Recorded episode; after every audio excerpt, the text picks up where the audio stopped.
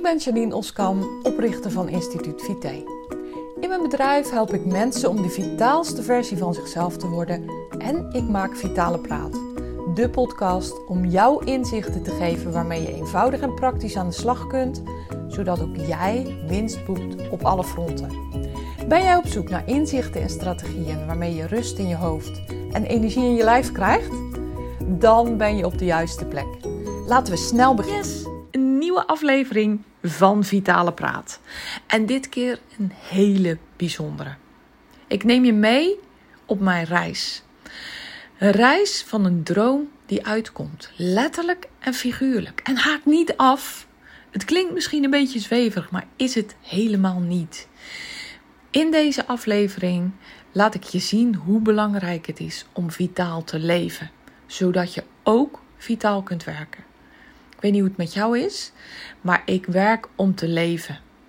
Mijn werk is een middel om een vitaal leven te kunnen leiden.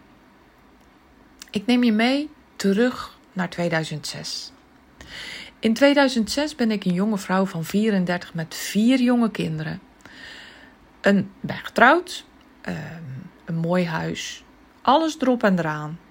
Ik heb een leven wat aan de buitenkant perfect lijkt. En toch besluit ik te gaan scheiden van de vader van mijn kinderen. Ik stuit op ongelooflijk veel onbegrip van de buitenwereld. Mensen begrijpen het niet. Mijn kinderen weten niet wat hun overkomt. Hun wereld stort in elkaar. Ik vertrek naar een huurwoning en neem mijn kinderen mee. Een deel van de week zijn ze bij mij, deel van de week bij hun vader. En ik voel een mega grote verantwoordelijkheid. Een verantwoordelijkheid die ik nooit eerder heb gevoeld. Ik wil dat het mijn kinderen goed gaat. Ik wil de rouw, de pijn voor hun verzachten. Ik wil dat ze, het ze aan niets ontbreekt. Ik wil dat ze hun leven gewoon kunnen voortzetten. Ik wil dat ze blij kunnen zijn. Ik wil dat ze alles hebben wat hun hartje begeert. En doordat ik die grote verantwoordelijkheid zo enorm voel, sta ik in de overleefstand. En ik moet door. Ik moet door, door, door. En doordat ik zo in die overleefstand sta, mis ik dingen van mijn kinderen. En zij missen dingen van mij. En dat gevoel van missen, dat knaagt aan me. Ik weet het. Mijn verstand weet het. Zeker mijn gevoel weet het. Maar ik kan niet anders. Zorgen is mijn grootste drive. Zorgen voor mijn kinderen, zorgen voor mijn klanten, zorgen voor mijn werk, zorgen voor boodschappen in huis, zorgen dat mijn huis opgeruimd en schoon is, zorgen dat, nou ja, zo kan ik nog wel even doorgaan. Ik vergat wel één ding en dat was te zorgen voor mezelf. Ondertussen kreeg ik een nieuwe relatie met Rien, de man waarmee ik nu intens gelukkig getrouwd ben. Intens gelukkig samen ben. Uh, alweer bijna 16 jaar. En ook voor hem wilde ik goed zorgen. Ook voor onze relatie wil ik goed zorgen. Ik wil dat het niemand aan wat dan ook ontbreekt. Maar ik vergeet mezelf. Als je me al langer volgt, ken je dit verhaal. Want in 2015 heeft dat geresulteerd in een burn-out. Een burn-out omdat ik gewoon te veel hooi op mijn vork had. Alle ballen in de lucht moest houden. Ehm, nog steeds voor mijn kinderen wilde en moest zorgen. Nog steeds voor die goede relatie wilde gaan. Nog steeds, um, ja, kortom, alles wat ik al eerder heb gezegd. Dus in 2015 trok mijn lichaam, trekt mijn lichaam aan de handrem. En het was een keerpunt. 2015 is een keerpunt in mijn leven geweest. Ik besloot te vertragen. Ik besloot eerst en vooral dat ik niet bij de pakken neer zou gaan zitten. Ik besloot eerst en vooral dat ik uit die burn-out zou komen binnen de kortste keren. Want ik wilde nog steeds en moest nog steeds van mezelf voor al die mensen om me heen zorgen. En ik ben toen ook voor mezelf gaan zorgen. Dat keerpunt heeft enorm veel voor mij veranderd. Enorm veel opgeleverd, hoe gek dat ook klinkt. En doordat ik vertraagde, doordat ik ging zorgen voor mezelf en uiteindelijk daarmee veel beter kon gaan zorgen voor de mensen die ik lief heb, groeide er een steeds groter wordend verlangen. En dat verlangen was, en ja, was, ooit nog een keer met mijn vier kinderen alleen op vakantie gaan. Om intens van ze en met ze te genieten. Mijn grote droom was geboren. Die droom die zit dus in mijn achterhoofd. Hè? We zijn nu in 2015. Maar mijn leven gaat door. Ik krabbel op. Het gaat eigenlijk binnen de kortste keren heel erg goed weer met me. Doordat ik dingen anders ben gaan doen. Doordat ik grote beslissingen heb genomen. Doordat ik um, inzicht heb gekregen in bepaalde dingen die ik verkeerd deed. Veranderde mijn leven enorm. De droom gaat naar de achtergrond. Mijn leven race weer op volle snelheid door. Wel op een veel betere manier, want ik doe zeker dingen anders. Maar weet je, als moeder, ondertussen als bonusmoeder, als partner en als mede-eigenaar van ons kantoor, ja, kan mijn leven niet kabbelen. Nee, ik kan dat leven zeker op dat moment niet kabbelend en rustig noemen. En over die droom twijfelde ik. Ja, maar kan ik dat nou wel maken? Zonder mijn man, zonder mijn bonuskinderen, zonder schoonkinderen, die ik ondertussen ook had? Nou, dat kan niet. Nee, kan ik niet maken. Want ja, wat, wat zullen ze wel niet van me denken? En um, ja, wat zal mijn man wel niet vinden? Tot die tijd zijn we altijd met alle kinderen ieder jaar weer op vakantie gegaan. Mijn man zet zich enorm in voor mijn kinderen. Mijn bonuskinderen doen ontzettend hun best en eh, kunnen eigenlijk heel erg goed opschieten met mijn kinderen. Mijn schoonkinderen zijn schatten. En ik heb ze intens lief, meen ik echt.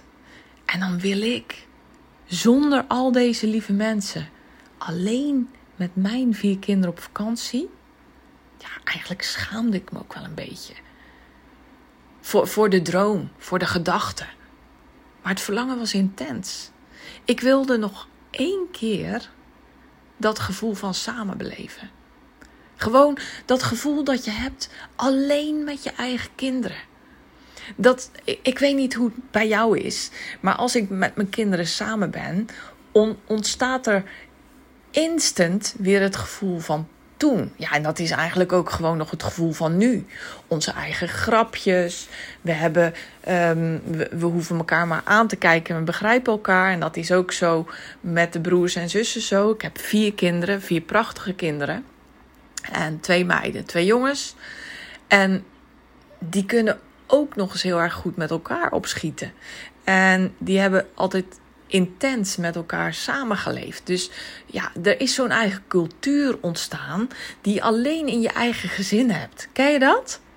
En met het vormen van ons samengestelde gezin ontstond er een nieuwe cultuur die ook hartstikke dikke prima is. Maar die was niet de cultuur van mijn eigen kerngezin, zeg maar, met mijn eigen kinderen. En dat wilde ik nog een keer beleven. Gewoon gek kunnen doen. Wij doen altijd heel erg gek met elkaar. Gewoon, ja, gewoon dat gevoel van toen nog één keer beleven. Afijn. Even fast forward naar 2021, 2021. Op dat moment um, heb ik ook alweer een hele tijd mijn tweede bedrijf, Instituut Vite, waarin ik um, financieel dienstverleners heb om vitaal te uh, help om vitaal te werken. Ik zei heb, maar help. Ik ben vitaal werken expert en help financieel dienstverleners om uh, ook vitaal te kunnen werken en te leven. En um, ik heb daarvoor een aantal opleidingen gevolgd. Ik heb HBO voeding en diëtetiek gedaan. Ik heb uh, coachingsopleidingen uh, gedaan, waaronder een uh, performance coaching opleiding. En in die opleiding kwam ik regelmatig video's tegen van Bibian Mentel. Ik moet even goed nadenken van, hey, hoe heb ik haar eigenlijk uh, leren kennen? Ik heb haar niet echt persoonlijk leren kennen, maar hoe uh, ben ik met haar in aanraking gekomen? En dat is doordat ik uh, bij de performance coaching haar video's zag. Zij uh, werd heel vaak als voorbeeld aangehaald omdat zij een enorme sterke innerlijke houding heeft. Bibian Mantel, ik weet niet of je haar kent, maar zij uh, is vorig jaar overleden. Vorig jaar 29 maart, als ik het wel heb. En zij had een enorme drive en een enorm vermogen om haar handicap, haar ziekte. Zij had kanker. Zij is uit eindelijk overleden aan uitgezaaide kanker. Heeft ontelbare operaties en ingrepen ondergaan. En zij bleef positief. Zij bleef haar doelen voor ogen houden en zij bleef daarop afgaan. Ik had enorm diep respect voor deze vrouw. En eind maart, ik weet niet precies meer welke dag het was, uh, hoorde ik van haar overlijden. En ik zag een aantal filmpjes van haar weer, want die werden toen opnieuw getoond. En dat was voor mij het moment dat ik dacht: ja, maar fuck it, excuus voor mijn woorden. Ik ga het gewoon doen.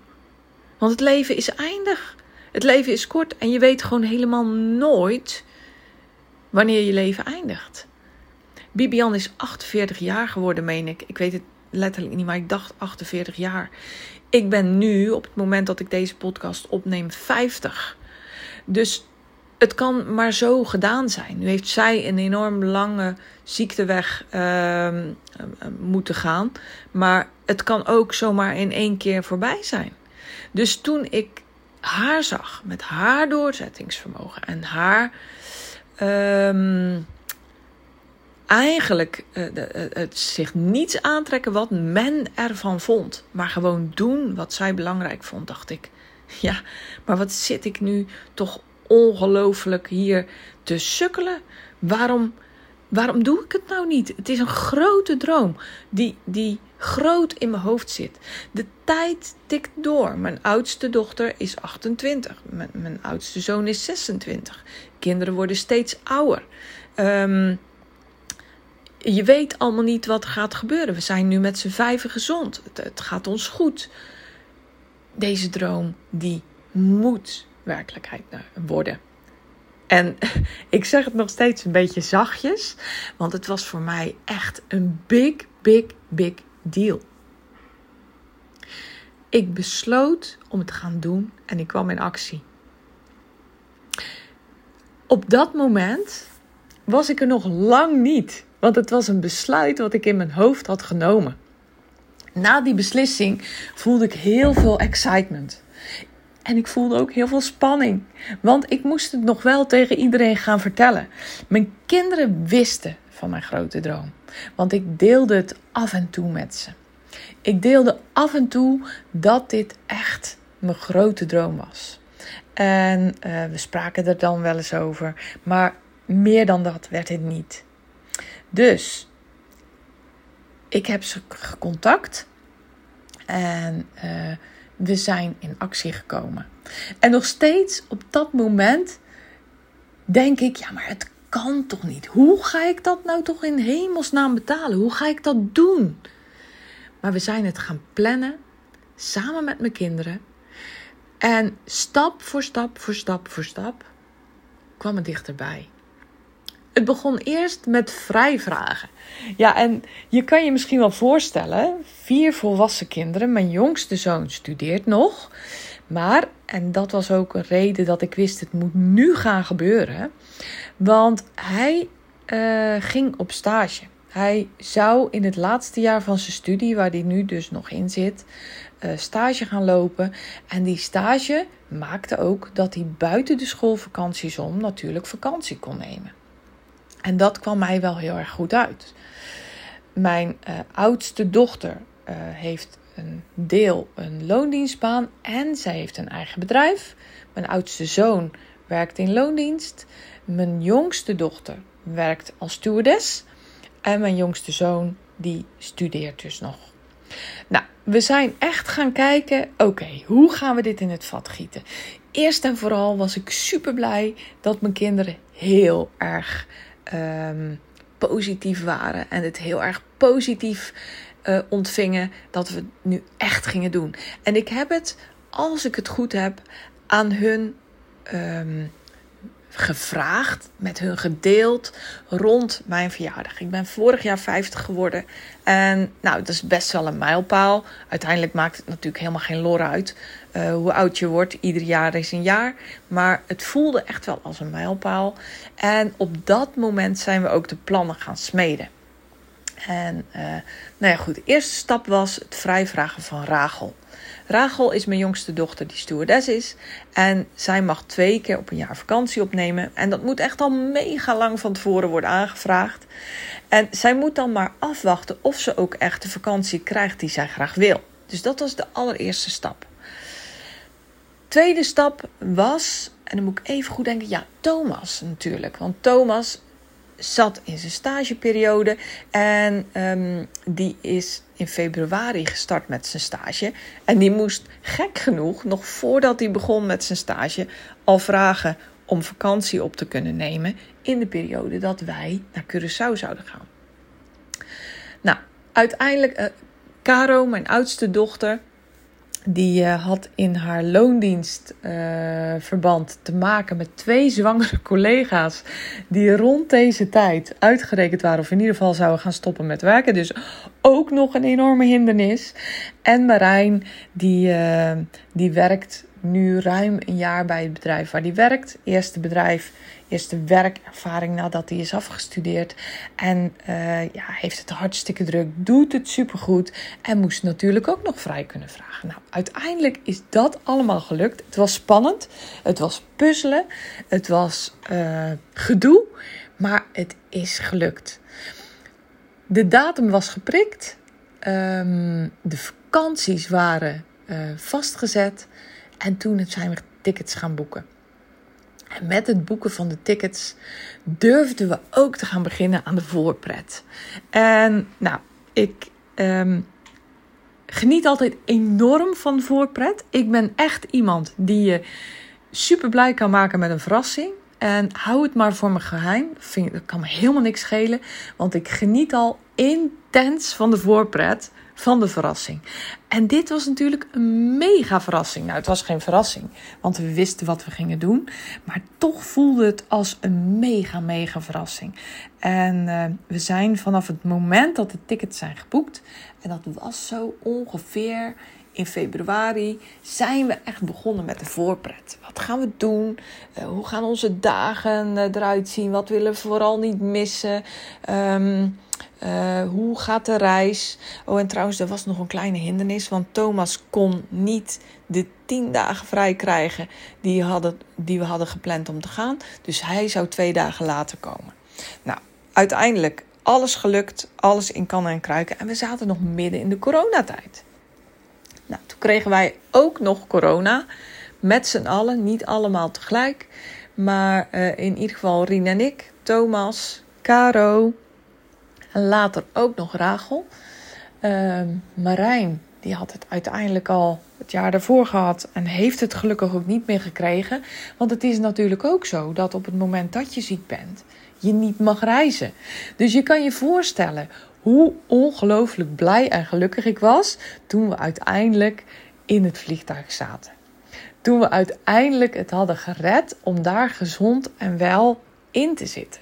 Niet met z'n allen tegelijk, want Caro die, uh, is uiteindelijk al een week van tevoren samen met haar vriend naar Curaçao gegaan. Rien en ik hebben een appartement op Curaçao. Dus zij zijn daar een week voordat wij, dat zijn de kinderen en ik, ook eraan kwamen, naar Curaçao gegaan. En Marcel, de vriend van Caro, is vertrokken op de dag dat Marijn, Rachel en ik zijn aangekomen. Thomas is twee dagen later gekomen. En zo waren we dan uiteindelijk met z'n vijven hier in het appartement. En ik kan met geen enkel woord beschrijven hoe ik me voelde. Ik moet even slikken. Ik voelde me zo intens gelukkig.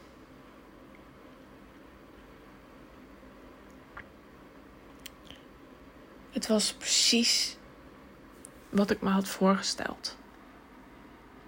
Het waren tien fantastische dagen. Van begin tot het eind. Op donderdag zijn we of ben ik samen met Caro Thomas van, die van de airport gaan halen. En uh, ja, goed, toen was de club echt compleet. En het waren fantastische dagen. We hebben gedaan wat we hadden bedacht.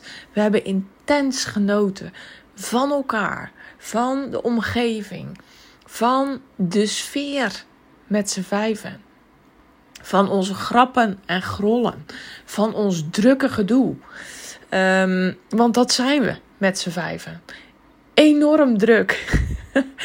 en uh, een ander zou er misschien wel een beetje kiloïd van worden. Zo druk kunnen wij zijn. Maar we hebben allemaal genoten. Ieder heeft ook um, uh, de, de, de, de ruimte gekregen als dat nodig was. Ieder heeft ook uh, de mogelijkheid gekregen om te zijn met, um, met degene met wie hij of zij wilde zijn. Ik heb met, met alle kinderen apart mooie gesprekken gehad. Ik heb met ze allemaal tegelijk mooie gesprekken gehad. We hebben echt intens genoten. In ieder geval ik. Nee, ik weet, mijn kinderen hebben ook intens genoten. En ja, dit neemt nooit iemand mij meer af. De film zit in mijn hoofd gebakken. We hebben ook mega veel foto's gemaakt. En we hebben zelfs een, een echte fotoshoot gehad. Um, en die was, die was fantastisch. Van Rien, mijn man, kregen we een fotoshoot met z'n vijven. En dat vond ik enorm lief. Dat hij dat uh, voor ons heeft geregeld. Want daarmee hebben we ook nog eens het de momenten zoveel mogelijk vastgelegd. Of in ieder geval dat moment. Tussendoor hebben we mega veel foto's gemaakt. Maar de film zit in mijn hoofd, lieve mensen. En dit neemt niemand mij ooit meer af. Dit neemt niemand ons ooit meer af. En wat wil ik hiermee nou zeggen? Leef je droom. Zorg dat je vitaal kunt leven. Dit is ook vitaliteit. Dit is vitaliteit ten top. Dit is vitaliteit in het kwadraat. Dit is. Dit zijn de belangrijke momenten in je leven. Dit zijn de momenten om intens te genieten.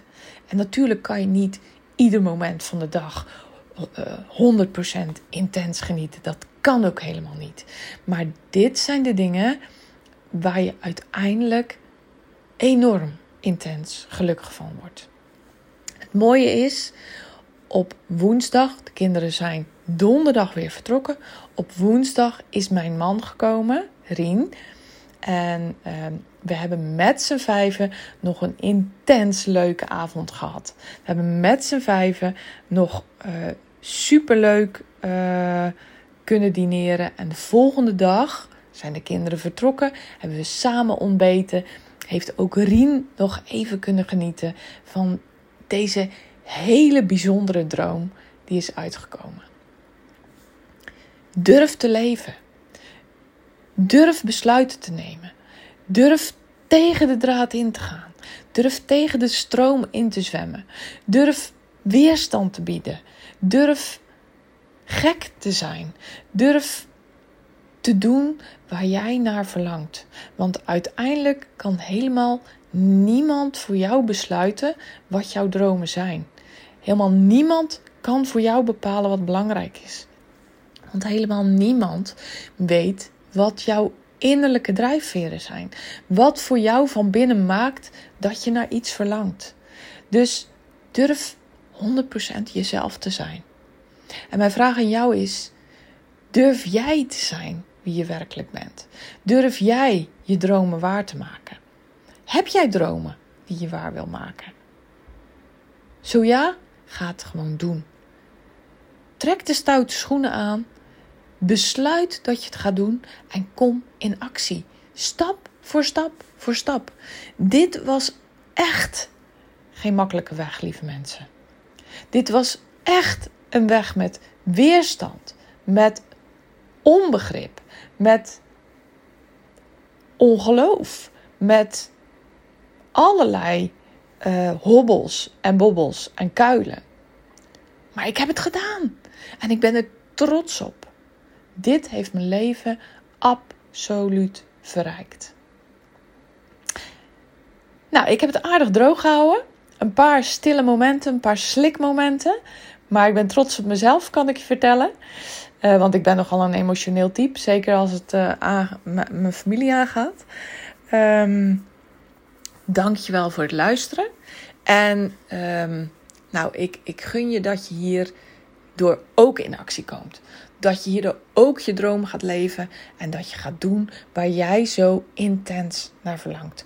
Dat hoeft helemaal niet zo'n groot ding te zijn als ik hier heb geschreven. Dat kunnen ook kleine dingen zijn. Maar ga doen, ga worden wie jij werkelijk bent. Kan ik je daar op wat voor manier dan ook bij helpen? Schroom dan niet om contact met me op te nemen. Ga naar janineoskamp.nl slash gesprek om een één op één gesprek met mij te boeken. En je mag me ook altijd mailen naar info.instituutvite.nl Ik wens je zoals altijd een hele mooie, fijne, bijzondere dag. En heel graag tot de volgende aflevering.